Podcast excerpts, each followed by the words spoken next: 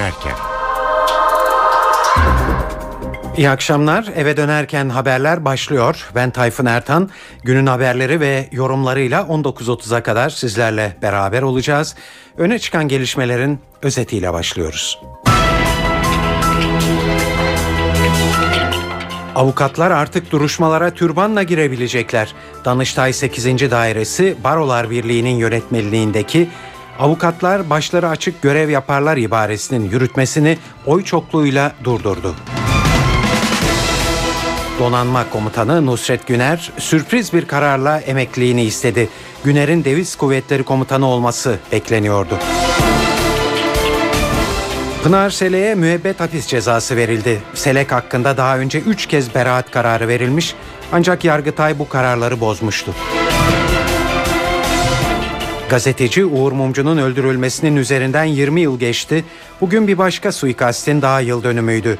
Diyarbakır Emniyet Müdürü Gaffar Okan 12 yıl önce bugün öldürülmüştü. Ve İngiltere Başbakanı David Cameron'ın dün 2015 yılında yapılacak seçimi kazanmaları halinde İngiltere'nin Avrupa Birliği üyeliğinin devam edip etmemesi için referandum yapacaklarını açıklaması Avrupa'da tepkiyle karşılandı.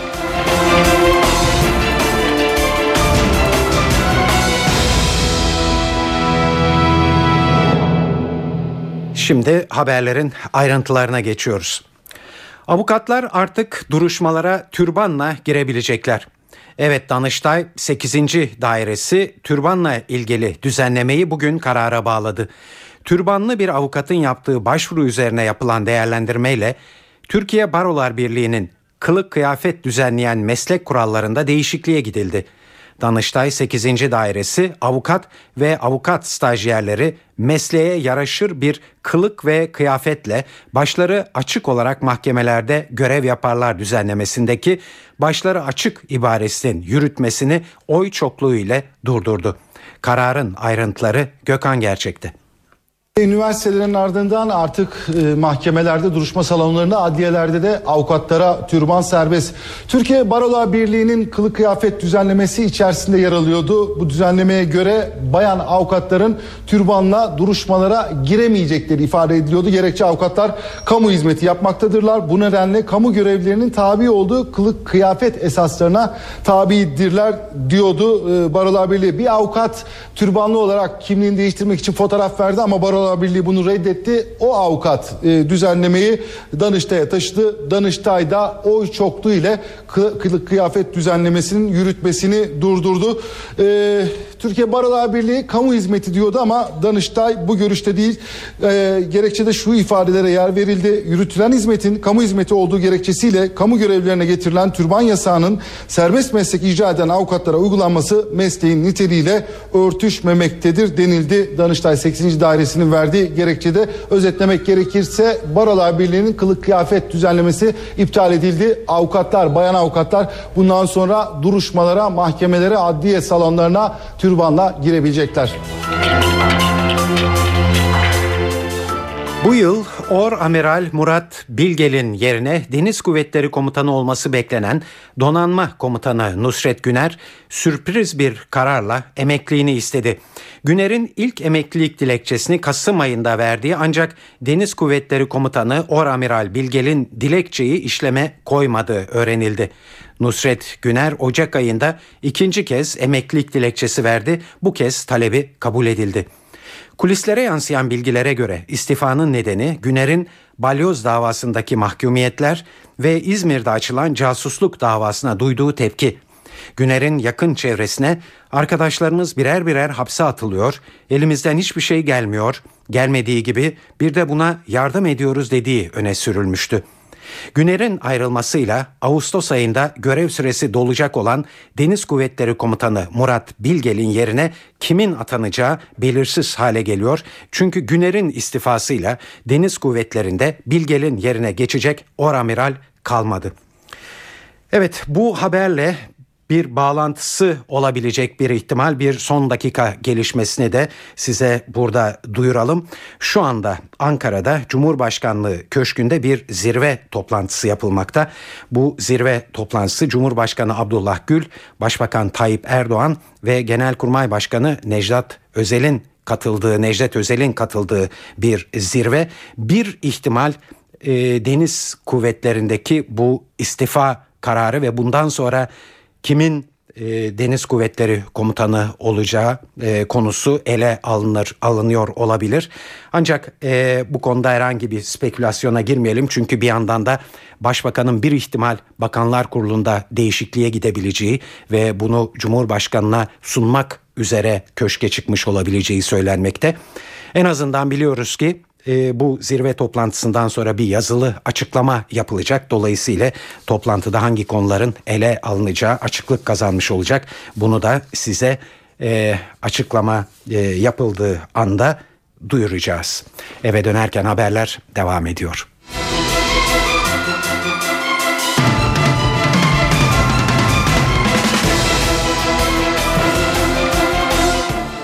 İzmir'de askeri casusluk soruşturmasına ilişkin iddianamenin ayrıntıları ortaya çıkmaya başladı.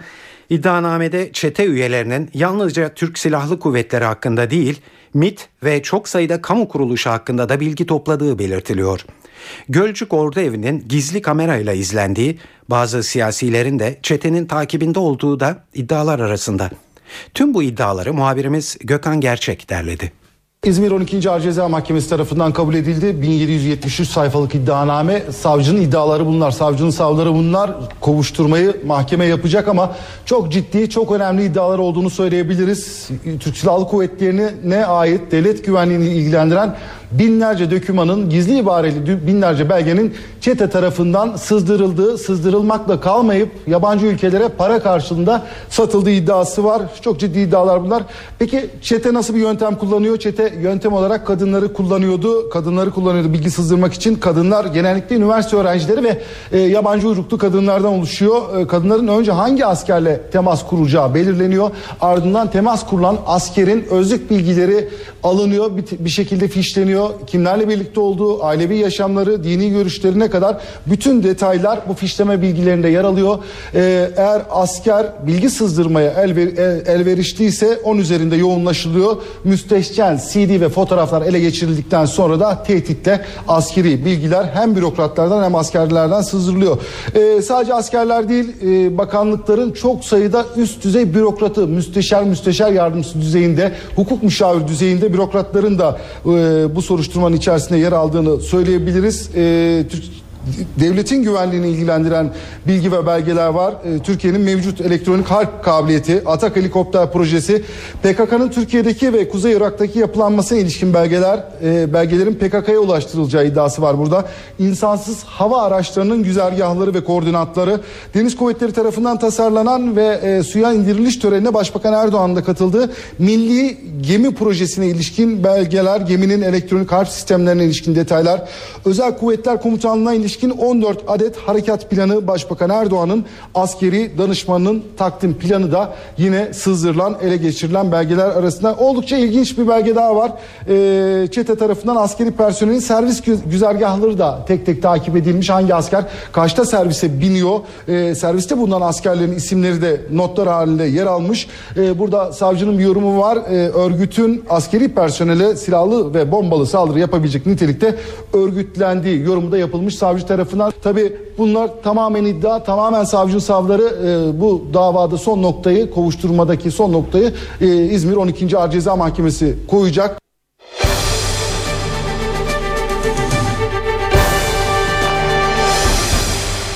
Sosyolog Pınar Selek Mısır Çarşısı davasında müebbet hapisle cezalandırıldı. Bu mahkeme Selek hakkında daha önce 3 kez beraat kararı vermiş ancak Yargıtay bu kararları bozmuş ve Selek hakkında müebbet hapis cezası verilmeli görüşünde ısrarcı olmuştu. Bunun üzerine de savcı müebbet hapis suçlamasında bulunmuştu. Duruşmayla ilgili notları NTV muhabiri Deniz Tüysüz anlatıyor.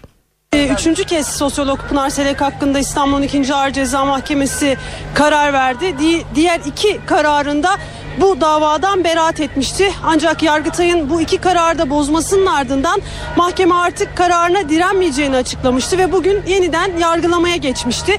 İstanbul 12. Ağır Ceza Mahkemesi önce avukatların taleplerini dinledi e, ve talepler sonrasında savunmalarını almak istedi. Ancak avukatlar Pınar Selek'in daha önce bu davadan iki kez beraat ettiğini söyledi ve savunma yapmayı kabul etmedi. Aynı şekilde son sözler için de bu durum geçerliydi. Son sözlerini de söylemek istemediler. Çünkü Pınar Selek bu davada beraat etmiş bir isimdir açıklamasında bulundular. İşte mahkeme heyeti tam iki buçuk saat boyunca düşündü ve e, kararını açıkladı e, ve sosyolog Pınar Selek'e ağırlaştırılmış müebbet hapis cezasına çarptırılmasına karar verdi.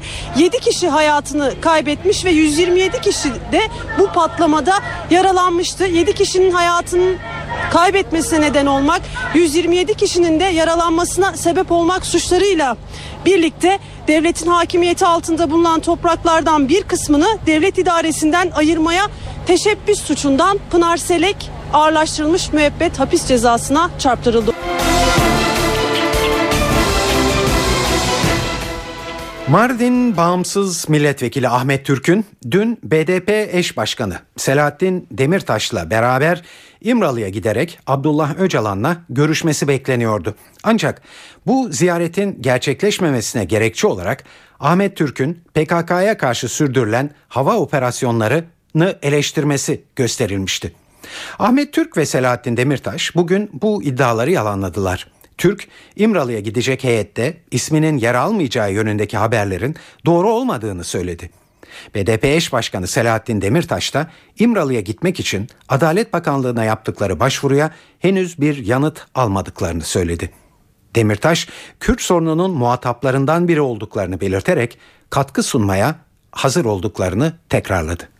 Biz Kürt sorununda muhataplardan biriyiz. Katkı sunmamız isteniyorsa hazırız. Halkımızdan aldığımız güçle, destekle, aldığımız yetki ve görevle bunu yapmaya hazırız. Ama hayır biz BDP'nin ve DTK'nın desteği olmadan da çözeriz deniyorsa bunu da engellemeyiz. Kürt halkını rencide edecek. Bütün o bedelleri ödemiş, bütün o değerli, değerleri yaratmış ailelerini, ailelerimizi rencide edecek tek bir çözümün asla asla ne tarafı oluruz ne destekçisi oluruz.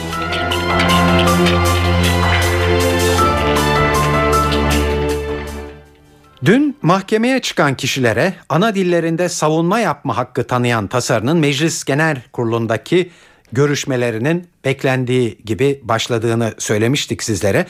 Ama çok da tartışmalı olduğunu da aynı zamanda. Milletvekilleri sadece tartışmakla kalmadılar birbirlerine girdiler. Meclis Başkan Vekili oturuma defalarca ara verdi. Evet bu olaylı oturumu Ankara muhabirlerimizden Murat Koralp izledi. Mahkemeye çıkan kişilere ana dillerinde savunma yapma hakkı tanıyan tasarının Meclis Genel Kurulu'ndaki mesaisi devam ediyor.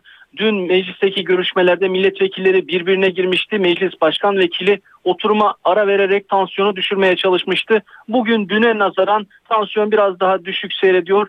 Tasarı görüşmeleri devam ediyor. Ana dilde savunma tasarısı dün mecliste tansiyonu yükseltmişti. Milletvekilleri arasında arbede çıkmıştı. Yumruklaşmayı araya giren diğer milletvekilleri önlemişti. Tartışma MHP ile BDP arasında başlamış. Daha sonra AK Parti Grup Başkan Vekili Ahmet Aydın'ın sözleriyle 3 parti karşı karşıya gelmişlerdi.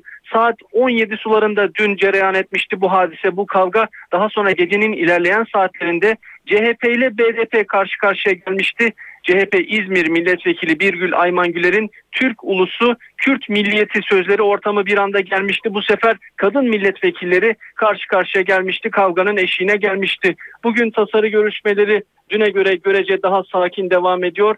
Saat 12'ye gece 01'e kadar bu görüşmelerin devam etmesi bekleniyor. Tasarı kısaca neler getiriyor ondan da kısaca bahsetmekte fayda var.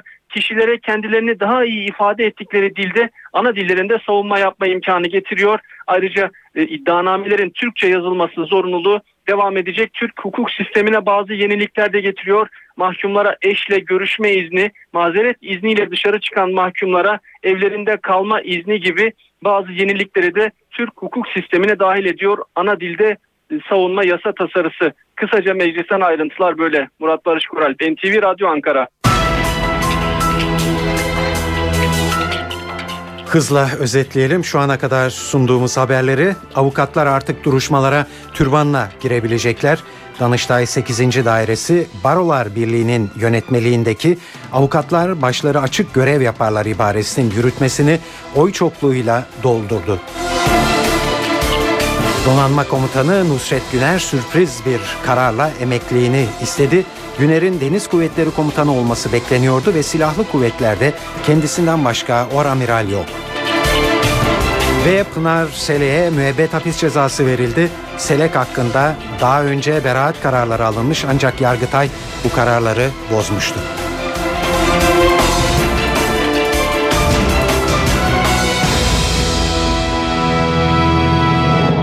Meclis Genel Kurulu'nda dün ana dilde savunma düzenlemesinin görüşmeleri sırasında Cumhuriyet Halk Partisi'nden Birgül Ayman Güler'in sarf ettiği Türk ulusuyla Kürt milliyeti eşit olamaz şeklindeki sözleri kendi partisi de dahil olmak üzere siyasette yoğun tartışmalara yol açtı. Bugün CHP Adıyaman Milletvekili Salih Fırat'ın bu sözlere tepki göstererek partisinden istifa haberi istifa ettiği haberi geldi önce. Ayrıca Başbakan Yardımcısı Bekir Bozdağ'dan da bir açıklama. Bozdağ, CHP'li Güler'in sözleri için ırkçı yaklaşımın somut bir örneği dedi. İşte bu tepkiler üzerine Güler de yeniden bir açıklama yaptı. Benim ırk perspektifim yok. Irkçılık penceresinden bakanlar bana bunu yansıtıyorlar diye konuştu.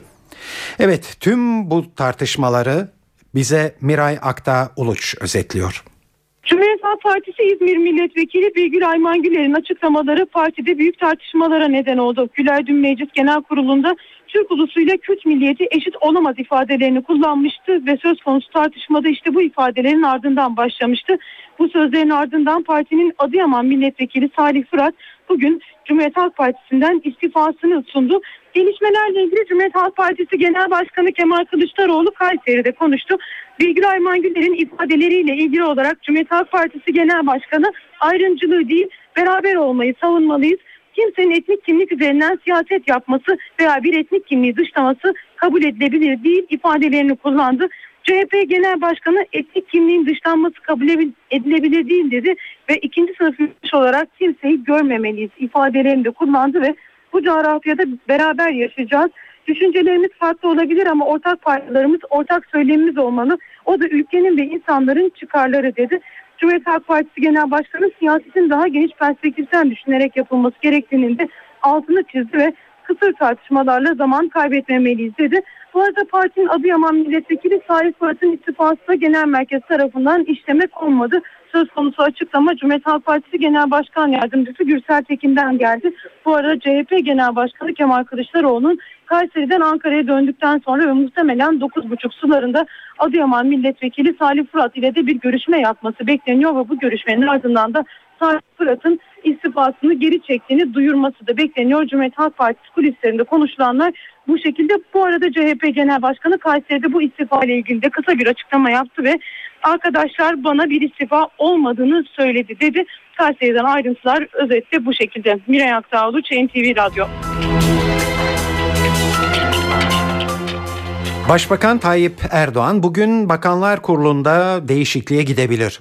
Bu ihtimal Erdoğan'ın iki hafta önceki Afrika gezisinden dönerken olası bir kabine değişikliğiyle ilgili bir soru üzerine her an her şey olabilir demesi üzerine belirmişti. Bugün gözler Çankaya Köşkü'ne çevrilmiş durumda. Başbakanın Cumhurbaşkanı Abdullah Gül'le yaptığı görüşmede yeni kabine listesini kendisine sunmuş olabileceği söylentisi var Ankara kulislerinde. Evet şimdi başkente gidelim ve bu konudaki bilgileri Ercan Gürses'ten tazeleyelim. %50 ihtimalle başbakanın bugün revizyon listesini çıkartabileceği konuşuluyor Çankaya Köşkü'ne.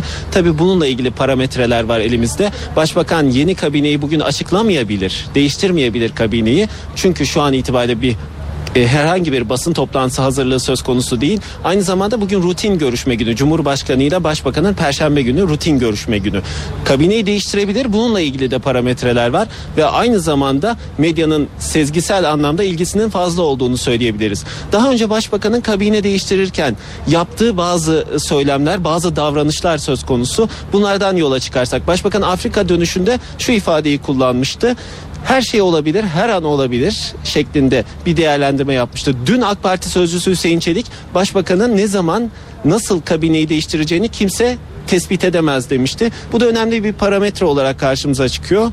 Aynen şu ifadeyi kullanmış Hüseyin Çelik. Başbakan ser verip sır vermez. Beni Kültür Bakanlığı'na atadığında ben bunu televizyondan öğrendim demişti. Dolayısıyla zamanlamayı bilmiyoruz. Zamanlama bugün de olabilir, başka bir zaman da olabilir ama konuşulanlardan bahsedelim. 7-8 bakanın görev yerinin değiştirilebileceği, bazılarının görevden alınacağı, bazılarının yerine yenilerinin getirilebileceği konuşuluyor. Tabii bunlarla ilgili olarak bunların arasında deneyimli isimlerin olduğu söyleniyor. 10 yıl görev yapan isimlerin olduğu söyleniyor ama genel merkezi güçlendirmek amacıyla bir kabine değişikliğinin de söz konusu olabileceği yine konuşulan konular arasında söz gelimi genel merkeze çekilebilir. Bazıları yaklaşan yerel seçimde belediye başkanı adayı yapılabilir. Şimdiden de onların hazırlığı söz konusu olabilir. Bu da konuşuluyor ama kabine değişikliği ne zaman? Bugün mü? Başka bir zaman mı? Bunu şu anda kestiremiyoruz.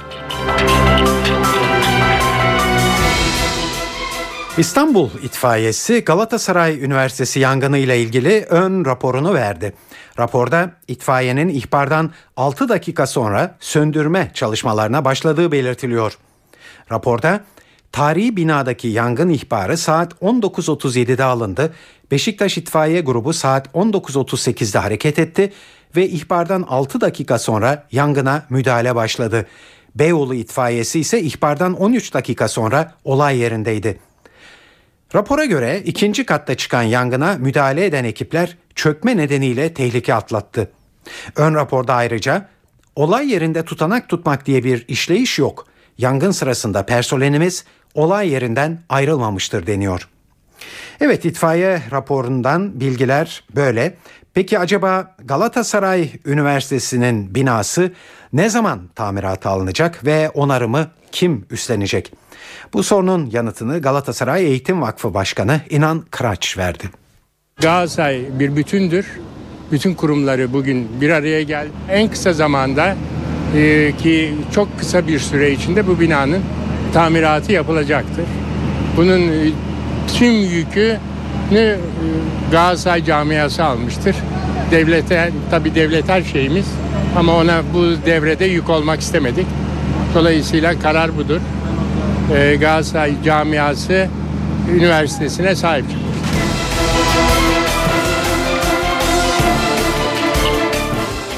Türkiye İş Kurumu'nun Cumhuriyet tarihinin en kapsamlı iş gücü piyasası araştırması dikkat çekici saptamalarda bulunuyor. 2,5 milyon kayıtlı işsizin olduğu Türkiye'de işveren halen 215 binden fazla işçi arıyor.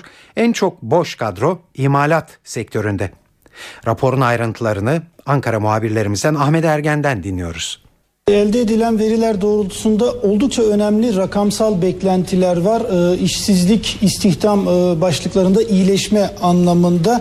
E, önce bu rakamları vereceğiz. Birazdan neden Cumhuriyet tarihinin en kapsamlı araştırması e, ifadesini kullanabiliyoruz? Buna ilişkin de e, verileri aktaracağız ama sonuçlara öncelik vermemiz gerekirse 1825 farklı meslekte Türkiye'de 215.243 kişilik bir açık iş tespiti var. Bu ne anlama geliyor? Aslında işverenler hali hazırda şu anda mevcut durumda 215.243 kişilik bir e, kadro personel arayışında ama bulamıyor. Bunun nedenlerini de birazdan aktaracağız. E, açık iş oranı %3,3. Bir karşılaştırma yapmamız gerekirse 27 Avrupa Birliği ülkesinde ortalama %1,3. Bizde 2 puan daha üstte yani istihdam anlamında iyileşme bakımından Türkiye 27 Avrupa Birliği ülkesinin ortalamasının 2 puan üstünde. En çok çok e, nerelerde e, açık iş var? E, baktığımızda sektör olarak imalat sektörü %36,2, inşaat %12,2, toptan ve perakende ticarette de %11,6'lık bir açık iş oranı söz konusu sektörler itibariyle meslek grupları iş bazında anlatmamız gerekirse teknolojik işler, tekniker, yardımcı personel, tekstil ve makine operatörü en çok aranan eleman personel grupları. Yine çağrı merkezi görevlisi baktığımızda %38'lik bir oranla öne çıkıyor. Soğuk demirci kaynakçı ihtiyacı da %37,5 ve %27,2 2120 farklı meslekte de 270.463 kişinin temininde zorluk çekiliyor. 30 Haziran itibariyle 230 bin kişi artması bekleniyor. Türkiye'de istihdamın oran olarak da %3,7'lik bir artış beklentisi var. Bu araştırma 66 ilde yapıldı. 66 ildeki 65 binden fazla iş yerinde işverenlerle, yöneticilerle görüşülerek bu sonuçlara ulaşıldı. İş ve siyaset dünyasının kalbi bu hafta Davos'ta atıyor. Dünya Ekonomik Forumu toplantısı için Davos'ta bulunan Dışişleri Bakanı Ahmet Davutoğlu dün Kuzey Irak Bölgesel Kürt Yönetimi lideri Mesut Barzani ile bir araya geldi. Toplantının ardından herhangi bir açıklama yapılmadı. Ancak diplomatik kaynaklardan aldığımız bilgiye göre görüşmede bölgesel konular değerlendirildi. Bugünkü oturumda küresel ekonomiyi bekleyen olası sorunlar ele alındı. Davos'ta neler konuşulduğunu NTV muhabiri Güldener Sonumut anlatıyor bize. Dün e, Dışişleri Bakanı Ahmet Davutoğlu e, Irak Kürdistan Bölgesel Yönetimi Başkanı Mesut Barzani ile bir araya geldi. Görüşmeden e, herhangi bir basın açıklaması yayınlanmadı ancak diplomatik kaynaklardan edinilen bilgiye göre özellikle Kuzey Irak'ın e, merkezi yönetimle olan ilişkisi değerlendirildi. Bununla birlikte Irak Cumhurbaşkanı Celal Talabani'nin sağlık durumu ele alındı. Ayrıca Türkiye'nin özellikle PKK'nın silah bırakmasıyla ilgili olarak e, Kuzey Irak Bölgesel Yönetimiyle yapacağı işbirliği de değerlendirildi. Burada Türkiye adına sadece Dışişleri Bakanı Ahmet Davutoğlu yer almıyor. Aynı zamanda Başbakan Yardımcısı ve Ekonomiden Sorumlu Devlet Bakanı Ali Babacan da toplantılarda hazır bulunuyor. Özellikle bugün ve yarın yapılacak oturumlarda Türk ekonomisinin 2013 yılındaki perspektifi değerlendirecek. Toplantılarda hazır bulunacak olan bir başka önemli bakan ise Aileden Sorumlu Devlet Bakanı Fatma Şahin. Fatma Şahin de Türkiye'de kadın erkek eşitliği, pozitif ayrımcılık, özellikle şirketler düzeyinde kadın yöneticilerin daha fazla yer alması, Türkiye'de kadın hakların e, kadın haklarıyla ilgili olarak yapılan çalışmalarla ilgili bir değerlendirim yapılacak. Geçtiğimiz yılda buna yönelik olarak önemli toplantılara katılmıştı. Küresel açıdan bakılacak olursa 2013 yılında dünya ekonomisinde önemli bir büyüme öngörülüyor. Kalkınmakta olan ülkelerde ortalama büyüme %5,5 olarak hedefleniyor. Sanayileşmiş ülkeler yani e, Avrupa Birliği dışında Amerika Birleşik Devletleri'nde ve global büyüme %3,2 olarak hedefleniyor. Türkiye gibi önemli ülkelerde kalkınmakta olan ülkelerde büyüme lokomotif bir düzeyde olması hedefleniyor. Siyasi düzeyde de e, herhangi bir önemli bir kriz öngörülmüyor. Suriye'deki kriz zaten Birleşmiş Milletler ve uluslararası topluluğun kontrolü altında. Mali'deki krizin herhangi bir şekilde ekonomiye sirayet etmesi öngörülmüyor. Rusya'da da özellikle emtia piyasasında yani petrol ve doğalgaz fiyatlarındaki artıştan dolayı Rusya ekonomisinde dönmeye devam edebileceği buradaki en büyük iki unsur birisi Japonya, diğerisi de Avrupa Birliği. Avrupa Birliği küresel bir küçülmeye doğru gitmesi, ekonomisinin binde dört oranında küçülmesi hedefleniyor. Japonya'daki ekonomik krizinde devam etmesi hedefleniyor. 2013 yılında krizden çok artık krizden çıkış yolu hedefleniyor. İstanbul'a 3. havaalanı projesi hayata geçiyor. Yerin belirlenmesiyle birlikte kamulaştırma çalışmaları da başladı. Havaalanı 4 etap halinde yapılacak. İlk etap için ihale tarihi 5 Nisan. Havaalanı İstanbul'un kuzeyine Yeniköy ve Akpınar köyleri arasına kurulacak. Aslında bölge şu an yerleşimin yoğun olduğu yerlere uzak. Beylikdüzü'ne 50, Bakırköy'e 47, Mecidiyeköy'e 50 ve Maslak'a 54 kilometre uzaklıkta. Ancak hem yapılacak 3. Boğaz Köprüsü ile entegre olması hem de raylı sistemin buraya kadar uzatılacak olması nedeniyle havaalanının cazibesinin artacağı düşünülüyor. Projeye biraz daha yakından bakarsak havaalanı 77 milyon metrekareye inşa edilecek. Yani inşa edilecek alan Atatürk Havaalanı'nın yaklaşık 7 katı. Toplam maliyetinin 7 milyar euro olması planlanıyor. Havaalanı tam kapasite devreye girdiğinde 120 bin kişiye istihdam sağlayacak. Havaalanında 6 pist bulunacak ve aynı anda 6 uçak havalanabilecek.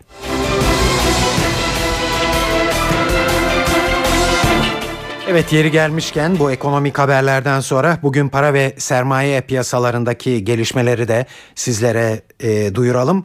CNBC'den Enis Şener'den anlatıyor. İyi akşamlar. Küresel piyasalarda risk iştahı yüksek kalmaya devam ediyor. Wall Street'te Apple bilançosunun beklentileri karşılamamasına rağmen S&P 500 endeksi uzun süredir takip edilen 1500 direncini aşmayı başardı. Analistler küresel piyasaların lokomotif olarak görülen S&P'nin 1500 üzerinde tutunması halinde yukarı yönlü hareketlerin devam edebileceği görüşünde. İMKB'de de olumlu görünüm korunuyor. Borsa gün içinde 86.787 seviyesine kadar çıkarak rekor tazeledi. Ardından gelen kar satışlarıyla primlerin bir kısmını geri veren ulusal yüz endeksi günü %0.11'lik sınırlı primle 86.437 seviyesinden tamamladı. Para piyasalarında euro dolar paritesi tekrar 1.34'e doğru hareketlenmiş durumda. İçeride ise dolar TL gün boyunca dar bantta işlem gördü ve kapanışta dünkü seviyelere yakın olan 1.77'den gerçekleşti. Tahvil piyasasında alımlar devam ediyor. Türkiye'ye olan yabancı ilgisinin sürmesiyle gösterge tahvilin faizi %5.81'e kadar gerileyerek günü tamamladı. Evet sırada yurt genelinde hava tahminleri için NTV Meteoroloji Editörü Gökhan Abur'a kulak vermek var. İyi akşamlar. Yarın da kuvvetli esecek lodos batıda yağışları kuvvetlendirecek. Yurt genelinde sıcaklıklar yarın da ortalamalar üzerinde olacak. Hafta sonu ise rüzgarın kuzeye dönmesiyle Trakya'dan başlayarak sıcaklıkların yeniden ve hızla azalmasını bekliyoruz. Yarın Ege ve Akdeniz'e daha kuvvetli olmak üzere yurdun büyük çoğunluğunda yağış var. Doğudaki yağışlar yer yer kuvvetli ve kar şeklinde olacak. Cumartesi günü ise doğuda yağış hafiflerken batıda daha da kuvvetlenecek ve özellikle Çanakkale, Ayvalık, İzmir, Aydın, Muğla, Antalya arasında çok daha kuvvetli yağacak. Pazar günü batıda yağış aralıklara devam ederken doğudaki kar yağışları giderek kuvvetlenecek. Soğumayla birlikte Trakya'daki yağışların da kar ve karla karışık yağmura dönmesini bekliyoruz. Evet İstanbul'da bu gece saatlerinde yağış başlayacak ve gece kuvvetlenecek yağış yarın öğle saatlerinde hafifleyecek. Sıcaklık yarın için 13 dereceyi geçemeyecek. Ankara'da bu gece yağmur geliyor ama yarın gündüz daha hafif. Sıcaklık ise yarın 9 derece olacak.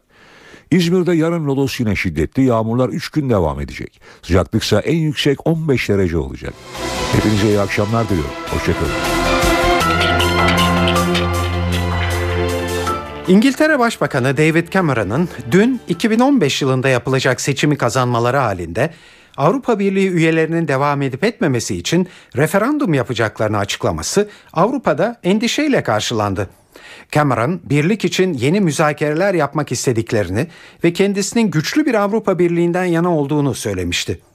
Almanya Başbakanı Angela Merkel, İngiltere'nin Avrupa Birliği içinde aktif bir üye olarak kalmasını istediklerini vurgulayarak Cameron'la temas halinde olacağını duyurdu bugün.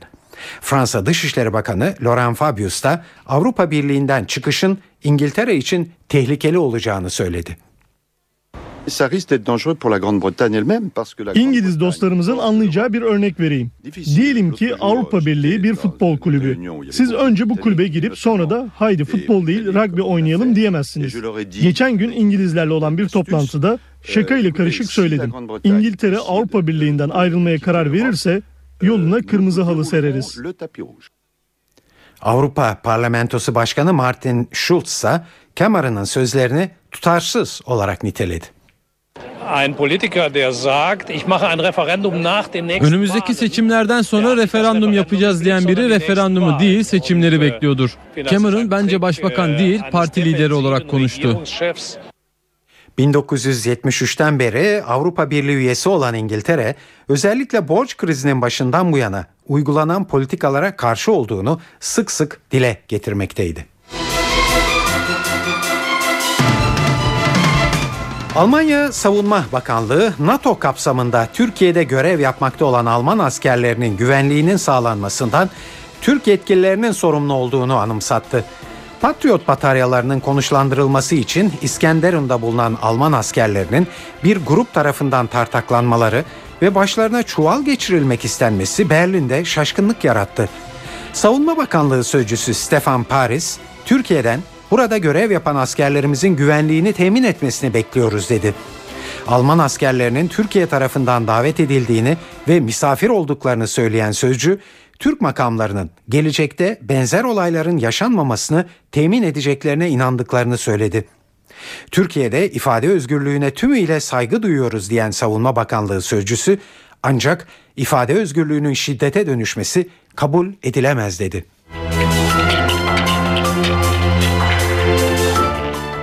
Kuzey Kore 3. nükleer silah denemesini yapacağını duyurdu. Kuzey Kore Savunma Komisyonu'ndan yapılan açıklamada nükleer silah testi baş düşmanımız Amerika Birleşik Devletleri'ne karşı yapılmaktadır dendi. Açıklamada ayrıca Amerika ile hesapların sözlerle değil kuvvet kullanarak ödenmesi gerekir ifadesi var. Amerika Birleşik Devletleri'nin Güney Kore'deki temsilcisi ise nükleer denemenin Kuzey Kore için hata olacağını söyledi.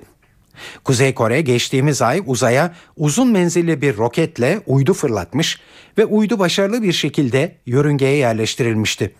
Ancak uzmanlar buradaki amacın yörüngeye uydu yerleştirmekten çok uzun menzilli füzeleri test etmek olduğu görüşündeydiler. Kuzey Kore daha önce 2006 ve 2009 yılında da iki nükleer deneme yapmıştı.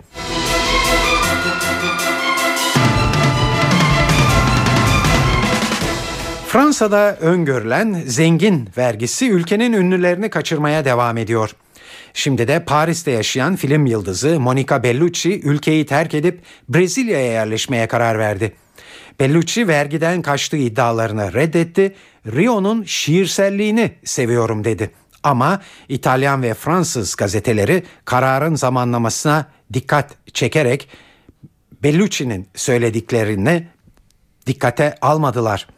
Evet iddiaları reddediyor Bellucci. Portekizce bilen kızı büyüyene dek Rio'da yaşamaya karar verdiklerini söylüyor. Bellucci bundan sonra yerim denizin enerjisini içime çekeceğim Rio kumsallarıdır diyor. Ancak bu gerekçelerden hiçbiri Fransızları ikna etmişe benzemiyor.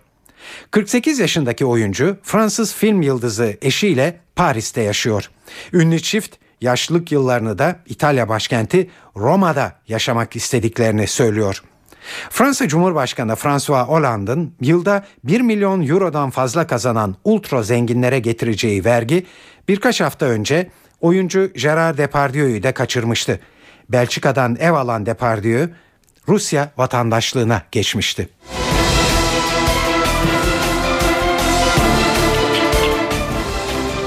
Myanmar'ın batısında Arakan bölgesinde dram devam ediyor. Rohingya Müslümanları şiddetten kaçmak için Tayland'a ulaşmaya çalışıyor ama bu hiç de kolay olmuyor. Çünkü bu yolculuk derme çatma teknelerle yapılmakta ve bu teknelerin çoğu da yolda kalıyor. Son olarak Tayland'ın batı sahillerinde bozulan bir teknenin imdadına balıkçılar yetişti ve 179 kişinin hayatı kurtarıldı. Tabi Tayland hükümeti de mülteciler sorunundan dertli ve yasa dışı yollardan ülkeye girenlerin sınır dışı edileceğini belirtiyor. Haziran ayından bu yana Rohingya Müslümanları ile Rakine Budistleri arasında devam eden şiddet olaylarında çok sayıda kişi yaşamını yitirdi, 100 binden fazla kişi de evsiz kaldı. Birleşmiş Milletler'e göre Myanmar'da 800 bin Rohingya Müslümanı yaşıyor ve Myanmar Rohingya Müslümanlarını ülkenin etnik gruplarından biri olarak görmüyor.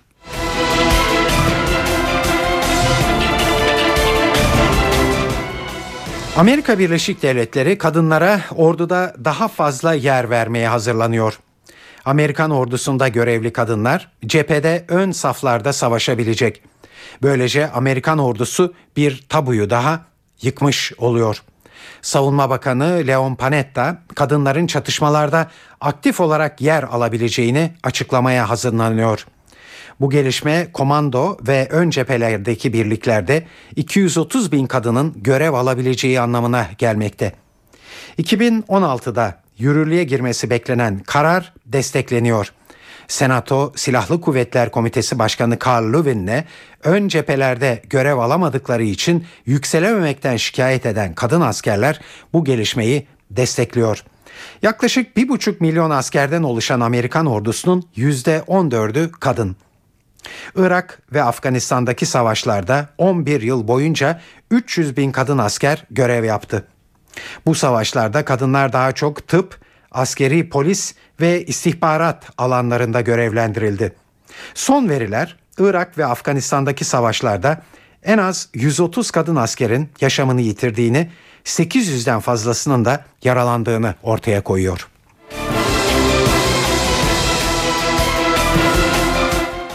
Evet size bu yayınımız sırasında köşte bir zirve toplantısı yapılmakta olduğunu duyurmuştuk. Bu zirve toplantısı Cumhurbaşkanı Abdullah Gül, Başbakan Tayyip Erdoğan ve Genelkurmay Başkanı Necdet Özel arasında yapılıyor. Ee, bu konuda e, eğer bir açıklama olursa size bilgi vereceğiz ve kabinede revizyon bu da duyurduğumuz bir haberdi. İçişleri Bakanı değişti ve yerine Muammer Güler getirildi.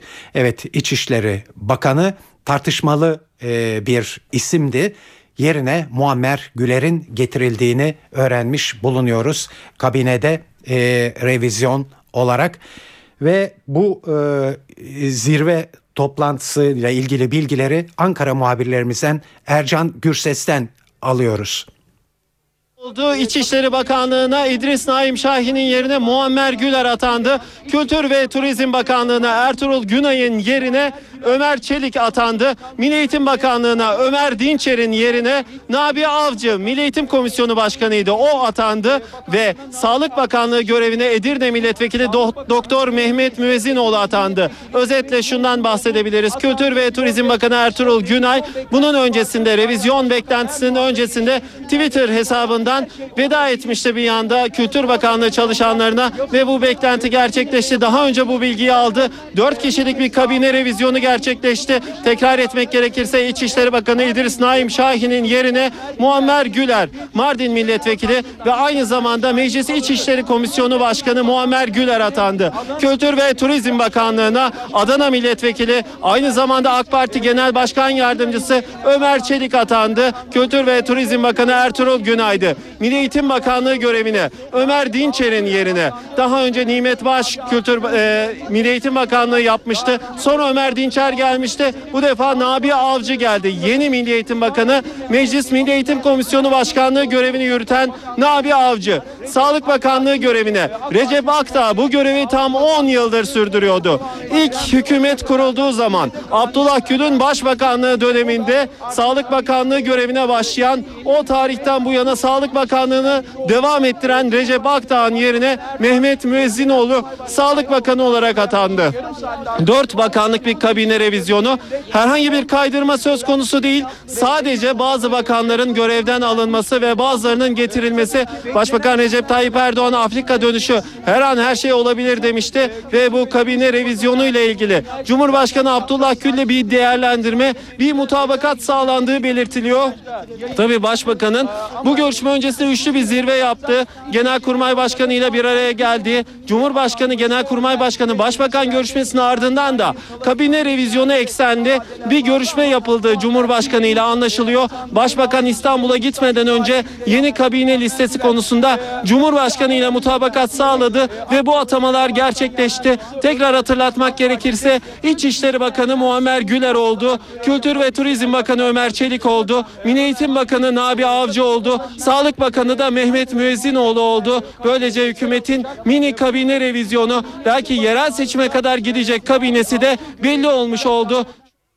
Evet Ankara muhabirlerimizden e, Ercan e, Gürses bu bilgileri bize canlı olarak şu anda e, Cumhurbaşkanlığı Köşkü'nün dışından bildirmekteydi. Evet tekrarlarsak İçişleri Bakanı, Kültür ve Turizm Bakanı, Milli Eğitim Bakanı ve Sağlık Bakanı değişmiş oldu. İçişleri Bakanı'nın yerine Muammer Güler yeni İçişleri Bakanı, Kültür ve Turizm Bakanı yeni bakan Ömer Çelik, Milli Eğitim Bakanlığı'na getirilen isim Nabi Avcı ve Sağlık Bakanlığı'na getirilen isim Mehmet Müezzinoğlu oldu. Eve dönerken haberler devam ediyor.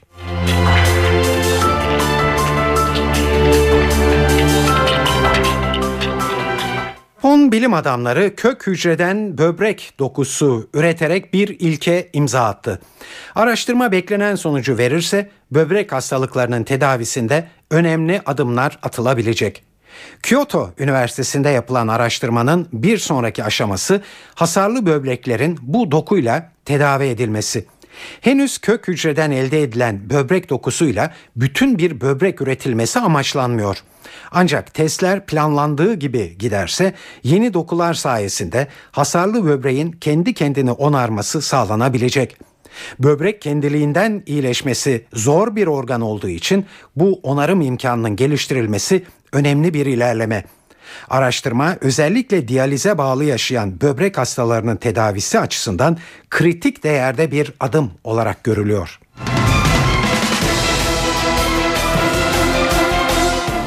Sigarayı bırakıp bırakmama konusunda kararsız kalanlara Kanadalı bilim adamlarından yanıt geldi. Bırakmak için hiçbir zaman geç değil çünkü sigara ömrü en az 10 yıl kısaltıyor. Ayrıntılara girersek sigarayı 40 yaşından önce bırakırsanız 9 yıl, 55 yaşından önce bırakırsanız 6 yıl daha uzun yaşıyorsunuz. Araştırma başka bazı saptamalarda da bulunuyor. Sigarayı 40 yaşından önce bırakanlar 9 yıl daha fazla yaşamakla kalmıyorlar. Erken ölüm riskleri de %90 oranında düşüyor. Çünkü sigaranın bırakılmasıyla kalp krizi ve inme riski azalıyor. Uzmanlara göre sigarayı bırakmak için hiçbir zaman geç değil. Sadece ne kadar erken bırakırsanız kaybettiğiniz yıllardan o kadar çoğunu geri almış oluyorsunuz.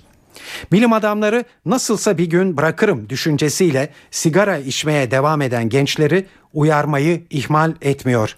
Zira araştırmaya göre sigaranın neden olduğu solunum yolu hastalıkları ve akciğer kanseri riskinden kurtulmak o kadar da kolay değil. Ve bir spor haberi Beşiktaş Dentinho transferini resmileştirdi.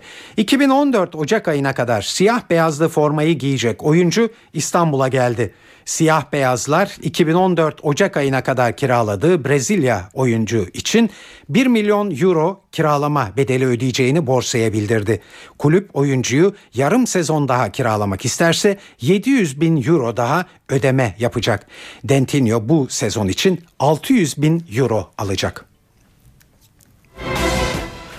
Evet saat 18.53 eve dönerken haberler saat başında devam edecek. Hemen söyleyelim Başbakan Tayyip Erdoğan Bakanlar Kurulu'nda değişikliğe gitti ve 4 yeni değişiklik yaptı bakanlar listesinde. Yeni İçişleri Bakanı Muammer Güler oldu.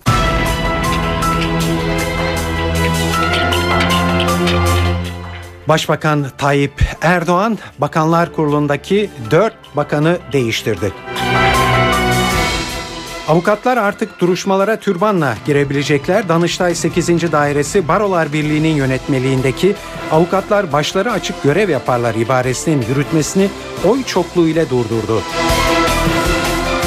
Donanma Komutanı Nusret Güner sürpriz bir kararla, kararla emekliliğini istedi. Güner'in Deniz Kuvvetleri Komutanı olması bekleniyordu ve silahlı kuvvetlerde kendisinden başka oramiral bulunmuyor.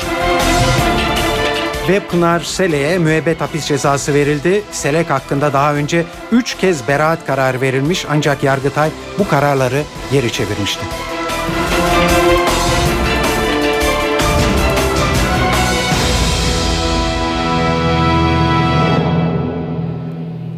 Bu akşam Ankara'da Cumhurbaşkanlığı Köşkü'nde yapılan zirve toplantısından sonra Cumhurbaşkanı Abdullah Gül ve Başbakan Recep Tayyip Erdoğan yazılı bir açıklamada bulundular ve e, e, Bakanlar Kurulu'ndaki değişiklikleri duyurdular. İçişleri Bakanlığı'na İdris Naim Şahin'in yerine İstanbul Eski Valisi Muammer Güler, Kültür ve Turizm Bakanlığı'na Ertuğrul Günay'ın yerine Başbakan Yardımcısı Ömer Çelik, Milli Eğitim Bakanlığı'na Ömer Dinçer'in yerine AKP Eskişehir Milletvekili Nabi Avcı, Sağlık Bakanlığı'na Recep Akdağ'ın yerine AKP Edirne Milletvekili Mehmet Müezzinoğlu getirildi. Ayrıntıları Ankara muhabirlerimizden Ercan Gürses anlatıyor. Dört kişilik bir kabine revizyonu söz konusu oldu. İçişleri Bakanlığı'na İdris Naim Şahin'in yerine Muammer Güler atandı. Kültür ve Turizm Bakanlığı'na Ertuğrul Günay'ın yerine Ömer Çelik atandı. Milli Eğitim Bakanlığı'na Ömer Dinçer'in yerine Nabi Avcı Milli Eğitim Komisyonu Başkanı'ydı. O atandı ve Sağlık Bakanlığı görevine Edirne Milletvekili Do- Doktor Mehmet Müezzinoğlu atandı. Özetle şundan bahsedebiliriz. Kültür ve Turizm Bakanı Ertuğrul Günay bunun öncesinde revizyon beklentisinin öncesinde Twitter hesabından veda etmişti bir yanda Kültür Bakanlığı çalışanlarına ve bu beklenti gerçekleşti. Daha önce bu bilgiyi aldı. Dört kişilik bir kabine revizyonu gerçekleşti. Tekrar etmek gerekirse İçişleri Bakanı İdris Naim Şahin'in yerine Muammer Güler, Mardin Milletvekili ve aynı zamanda Meclis İçişleri Komisyonu Başkanı Muammer Güler atandı. Kültür ve Turizm Bakanlığı'na Adana Milletvekili aynı zamanda AK Parti Genel Başkan Yardımcısı Ömer Çelik atandı. Kültür ve Turizm Bakanı Ertuğrul Günay'dı. Milli Eğitim Bakanlığı görevine Ömer Dinçer'in yerine daha önce Nimet Baş Kültür e, Milli Eğitim Bakanlığı yapmıştı. Sonra Ömer Dinçer gelmişti. Bu defa Nabi Avcı geldi. Yeni Milli Eğitim Bakanı Meclis Milli Eğitim Komisyonu Başkanlığı görevini yürüten Nabi Avcı. Sağlık Bakanlığı görevine Recep Akdağ bu görevi tam 10 yıldır sürdürüyordu. İlk hükümet kurulduğu zaman Abdullah Gül'ün başbakanlığı döneminde Sağlık Bakanlığı görevine başlayan o tarihten bu yana Sağlık Bakanlığı'nı devam ettiren Recep Akdağ'ın yerine Mehmet Müezzinoğlu Sağlık Bakanı olarak atandı. Dört bakanlık bir kabine revizyonu herhangi bir kaydırma söz konusu değil. Sadece bazı bakanların görevden alınması ve bazılarının getirilmesi. Başbakan Recep Tayyip Erdoğan Afrika dönüşü her an her şey olabilir demişti ve bu kabine revizyonu ile ilgili Bu yıl Or Amiral Murat Bilgel'in yerine Deniz Kuvvetleri Komutanı olması beklenen Donanma Komutanı Nusret Güner sürpriz bir kararla emekliliğini istedi.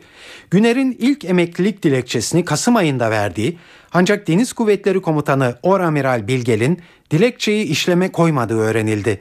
Nusret Güner Ocak ayında ikinci kez emeklilik dilekçesi verdi ve bu kez talebi kabul edildi. Kulislere yansıyan bilgilere göre istifanın nedeni Güner'in balyoz davasındaki mahkumiyetler ve İzmir'de açılan casusluk davasına duyduğu tepki. Güner'in yakın çevresine arkadaşlarımız birer birer hapse atılıyor, elimizden hiçbir şey gelmiyor. Gelmediği gibi bir de buna yardım ediyoruz dediği öne sürülüyor. Güner'in ayrılmasıyla Ağustos ayında görev süresi dolacak olan Deniz Kuvvetleri Komutanı Murat Bilgel'in yerine kimin atanacağı belirsiz hale geliyor. Çünkü Güner'in istifasıyla Deniz Kuvvetleri'nde Bilgel'in yerine geçecek oramiral bulunmuyor.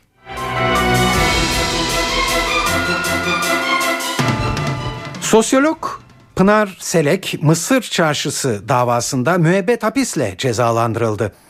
Bu mahkeme Selek hakkında daha önce beraat kararları vermiş ancak Yargıtay bu kararları bozmuş ve Selek hakkında müebbet hapis cezası verilmeli görüşünde ısrarcı olmuştu. Bunun üzerine de savcı müebbet hapis suçlamasında bulunmuştu. Duruşmayla ilgili noktaları NTV muhabiri Deniz Tüysüz'den alıyoruz.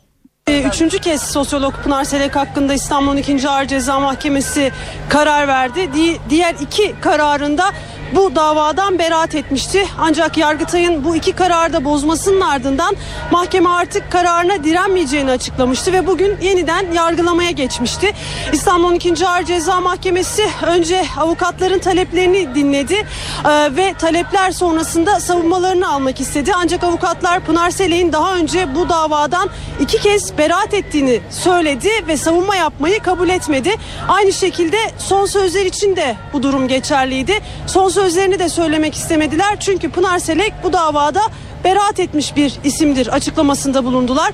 İşte mahkeme heyeti tam iki buçuk saat boyunca düşündü ve e, kararını açıkladı E, ve sosyolog Pınar Selek'e ağırlaştırılmış müebbet hapis cezasına çarptırılmasına karar verdi. 7 kişi hayatını kaybetmiş ve 127 kişi de bu patlamada yaralanmıştı. 7 kişinin hayatının kaybetmesine neden olmak, 127 kişinin de yaralanmasına sebep olmak suçlarıyla birlikte devletin hakimiyeti altında bulunan topraklardan bir kısmını devlet idaresinden ayırmaya teşebbüs suçundan Pınar Selek ağırlaştırılmış müebbet hapis cezasına çarptırıldı. Avukatlar artık duruşmalara türbanla girebilecekler. Evet Danıştay 8. Dairesi türbanla ilgili düzenlemeyi bugün karara bağladı. Türbanlı bir avukatın yaptığı başvuru üzerine yapılan değerlendirmeyle Türkiye Barolar Birliği'nin kılık kıyafeti düzenleyen meslek kurallarında değişikliğe gidildi. Danıştay 8. Dairesi avukat ve stajyerlerin mesleğe yaraşır bir kılık ve kıyafetle başları açık olarak mahkemelerde görev yaparlar düzenlemesindeki başları açık ibaresinin yürütmesini oy çokluğuyla durdurdu. Kararın ayrıntılarını Ankara muhabirlerimizden Gökhan Gerçek anlatıyor. Üniversitelerin ardından artık e, mahkemelerde, duruşma salonlarında, adliyelerde de avukatlara türban serbest. Türkiye Barolar Birliği'nin kılık kıyafet düzenlemesi içerisinde yer alıyordu. Bu düzenlemeye göre bayan avukatların türbanla duruşmalara giremeyecekleri ifade ediliyordu. Gerekçe avukatlar kamu hizmeti yapmaktadırlar. Bu nedenle kamu görevlilerinin tabi olduğu kılık kıyafet esaslarına tabidirler diyordu e, Barolar Birliği. Bir avukat türbanlı olarak kimliğini değiştirmek için fotoğraf verdi ama Barolar Birliği bunu reddetti. O avukat e, düzenlemeyi Danıştay'a taşıdı. Danıştay da oy çokluğu ile kı- kılık kıyafet düzenlemesinin yürütmesini durdurdu. E, Türkiye Barolar Birliği kamu hizmeti diyordu ama Danıştay bu görüşte değil. E, gerekçede şu ifadelere yer verildi. Yürütülen hizmetin kamu hizmeti olduğu gerekçesiyle kamu görevlilerine getirilen türban yasağının serbest meslek icra eden avukatlara uygulanması mesleğin niteliğiyle örtüşmemektedir denildi. Danıştay 8. Dairesi'nin verdiği gerekçede özetlemek gerekirse Barolar Birliği'nin kılık kıyafet düzenlemesi iptal edildi. Avukatlar, bayan avukatlar bundan sonra duruşmalara, mahkemelere, adliye salonlarına türbanla girebilecekler. Evet haberlerimizde e, size Başbakan Tayyip Erdoğan'ın bugün Bakanlar Kurulu'nda değişikliğe gidebileceğini söylemiştik. Bu değişiklik az önce gerçekleşti. E, bu beklenen bir değişiklikti aslında. Erdoğan iki hafta kadar önce Afrika gezisinden dönerek o, dönerken olası bir kabine değişikliğiyle ilgili olarak her an her şey olabilir demişti. İşte bu şimdi e, gerçekleşmiş oluyor. Dört değişiklik var Bakanlar Kurulu'nda. İçişleri e, Bakanı değişti İdris Naim Şahin ve yerine İstanbul eski valisi Muammer Güler getirildi. Kültür ve Turizm Bakanlığı'na Ertuğrul Güney'in yerine Başbakan Yardımcısı Ömer Çelik getirildi. Milli Eğitim Bakanlığı'nda Ömer Dinçer'in yerini AKP Eskişehir Milletvekili Nabi Avcı aldı. Sağlık Bakanlığı'na ise Recep Akdağ'ın yerine AKP Edirne Milletvekili Mehmet Müezzinoğlu'nun atandığı anlaşılıyor. Gazeteci yazar Uğur Mumcu'nun öldürülmesinin üzerinden 20 yıl geçti. 1993 yılında evinin önünde arabasına yerleştirilen bombanın patlatılmasıyla hayatını kaybetmişti Uğur Mumcu. Bugün Ankara'da çeşitli etkinliklerle anıldı. Bugün bir başka suikastin daha yıl dönümüydü. Diyarbakır Emniyet Müdürü Gaffar Okan 12 yıl önce 4 koruması ve şoförüyle birlikte silahlı saldırıya uğramış ve hayatını kaybetmişti. Mumcu ve Okan için düzenlenen anma etkinliklerine bakıyoruz şimdi. Önce Ankara'ya Büyük Sesat'a Uğur Mumcu Sokağa gidiyoruz. Borayhan Gülcü anlatıyor. Kırmızı karanfiller, gözyaşları ve de Uğur Mumcu aramızdan ayrılışının 20. yılında yeniden anıt mezarının önünde anılıyor. Binlerce Uğur Mumcu seveni sabah saatlerinden itibaren evinin önüne o patlamanın gerçekleştiği adrese geldi. Sabah saatlerinden itibaren Uğur Mumcular ölmez sloganları atıldı. Sparkovizyon gösterileri vardı. Uğur Mumcu'nun konuşmalarından derlenen gösterileri burada alkışlarla, sloganlarla Uğur Mumcu'nun sevenleri dinlediler. Cumhuriyet Halk Partisi lideri Kemal Kılıçdaroğlu da buraya Mumcu ailesiyle birlikte geldi. Mumcu'nun anısına çiçekler bıraktı, karanfiller bıraktı ve de mumlar yakarak buradan ayrıldı. Kılıçdaroğlu'nun bir de mesajı oldu. Şu ana kadar devlet asıl failleri bulamadı. Yalnızca tetikçiler ortaya çıkartıldı. Devletin namus borcudur bu cinayeti tamamıyla aydınlatmak ifadesini kullandı ve buradan ayrıldı. Bu hafta boyunca devam edecek anma törenleri, tiyatro gösterileri olacak, konferanslar olacak ve Uğur Mumcu aramızdan ayrılışının 20. yılında saygıyla, sevgiyle anılmaya devam edecek. Evet, Gaffar Okkansa görev yaptığı Diyarbakır'da çok sevilen bir emniyet müdürüydü. Anma törenleri orada da yapıldı bugün. Şimdi de Diyarbakır'a gidiyoruz ve muhabirimiz Nizamettin Kaplan'ı dinliyoruz. Gaffar Okkan ve 5 arkadaşı için ilk tören 12 yıl önce vuruldukları yerde Sezai Karakoç Bulvarı üzerinde yapıldı. Diyarbakır Emniyet Müdürü Recep Güven e, ve diğer e, meslektaşlarıyla birlikte bazı sivil toplum örgütlerinin temsilcileri yine Gaffar Okan'ı seven ve ona e, onun anısına çocuklarına onun adını veren aileler ve onun adını taşıyan çocuklar hazır bulundu.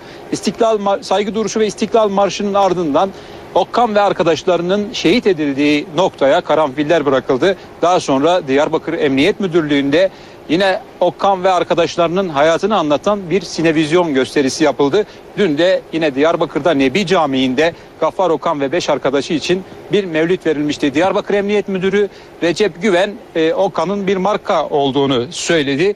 Gaffar abi Diyarbakır'a geldiğinde çok zor bir ortamdı. O zaman da arz etmiştim.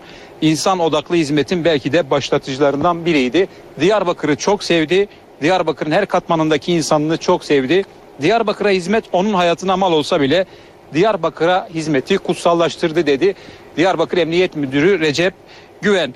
E, Okan kentte görev yaptığı süre içerisinde halkla e, kaynaştı, halkın sevgisini kazandı. Bir anlamda devletle halk arasında bir köprü görevi gördü ve 12 e, yıl önce makamından çıktıktan sonra e, Sezai Karakoç bulları üzerinde silahlı saldırıya uğradı, pusuya düşürüldü ve 5 arkadaşıyla birlikte hayatını kaybetti. Evet NTV Diyarbakır temsilcisi Nizamettin Kaplan'ı dinliyorduk. Başbakan Tayyip Erdoğan az önce Bakanlar Kurulu'nda değişikliğe gitti ve dört yeni bakan e, atadı. Ve e, bu yeni bakanların kimler olduğunu ve kimlerin e, değiştiğini bize Ankara muhabirlerimizden Ercan Gürses bildiriyor.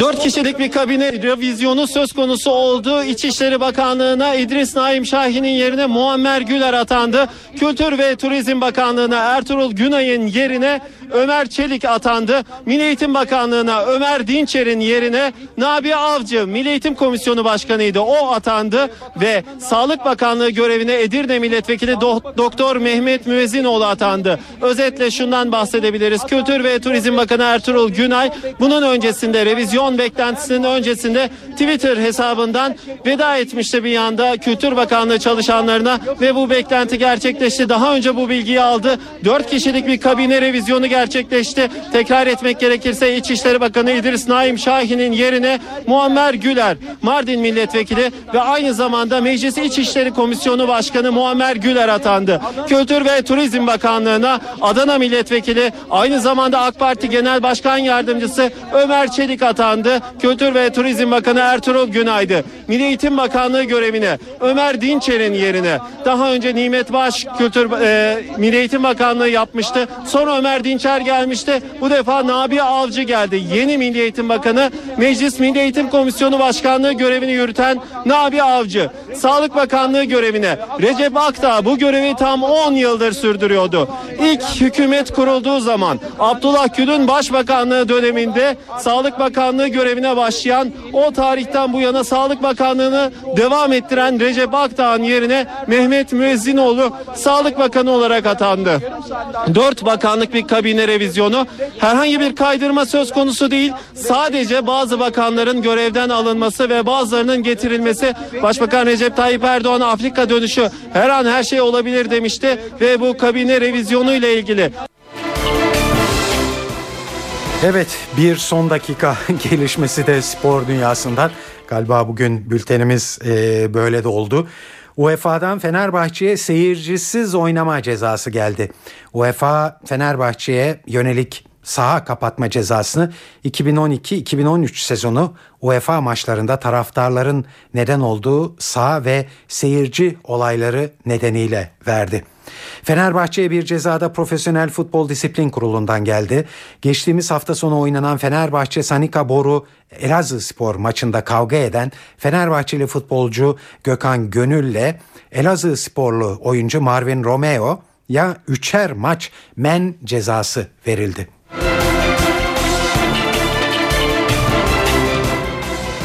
Evet şimdi sırada çeşitli kültür ve sanat faaliyetlerinden derlediğimiz haberler var.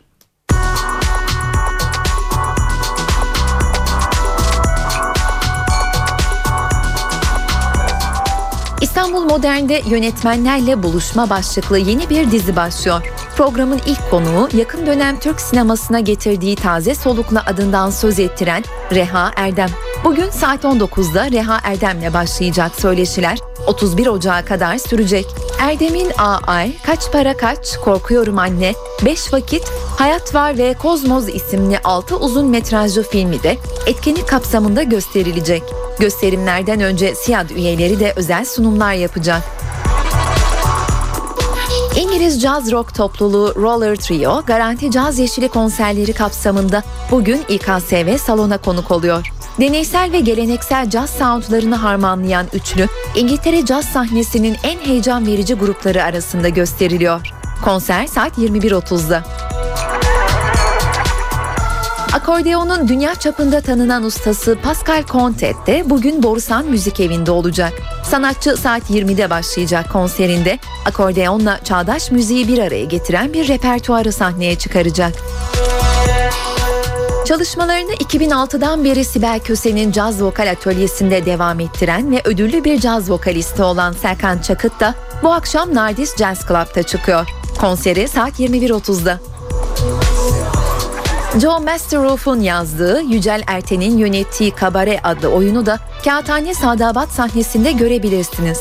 1931 yılı Berlin'inde geçen oyun bir kabare aktristiyle Amerikalı bir yazarın kısa ömürlü aşkı ve onları kuşatan büyük toplumsal kaosu konu alıyor. Başlama saati 20.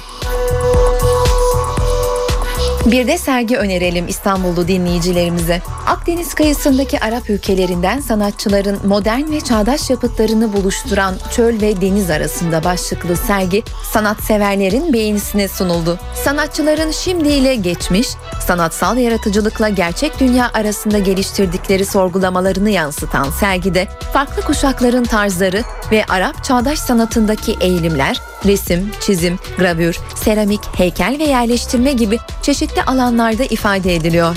Sergi 21 Nisan'a kadar Pera Müzesi'nde görülebilir. Ankara'ya geçelim. Polonyalı yazar Sławomir Mrozek'in 1974'te kaleme aldığı Sığıntılar adlı oyun bu akşam Çay Yolu Cüneyt Gökçer sahnesinde.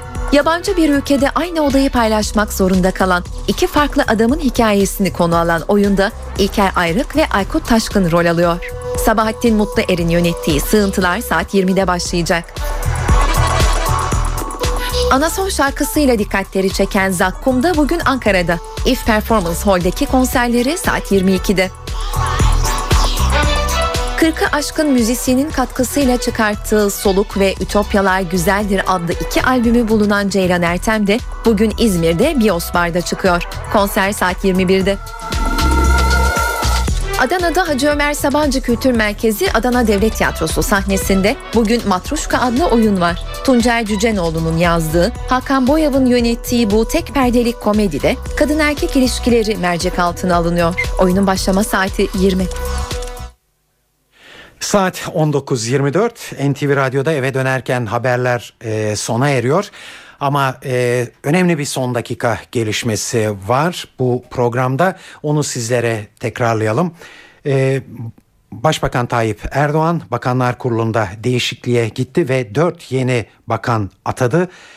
İçişleri Bakanlığı'na İdris Naim Şahin'in yerine İstanbul Eski Valisi Muammer Güler, Kültür ve Turizm Bakanlığı'na Ertuğrul Günay'ın yerine Başbakan Yardımcısı Ömer Çelik, Milli Eğitim Bakanlığı'na Ömer Dinçer'in yerine AKP Eskişehir Milletvekili Nabi Avcı ve Sağlık Bakanlığı'na Recep Akdağ'ın yerine AKP Edirne Milletvekili Mehmet Müezzinoğlu getirildi. Eve dönerken haberler bu akşam burada sona eriyor. Bu yayının editörlüğünü Onur Koçaslan, stüdyo teknisyenliğini İsmet Tokdemir yaptı. Ben Tayfun Ertan. Hepinize iyi akşamlar diliyoruz. Hoşçakalın.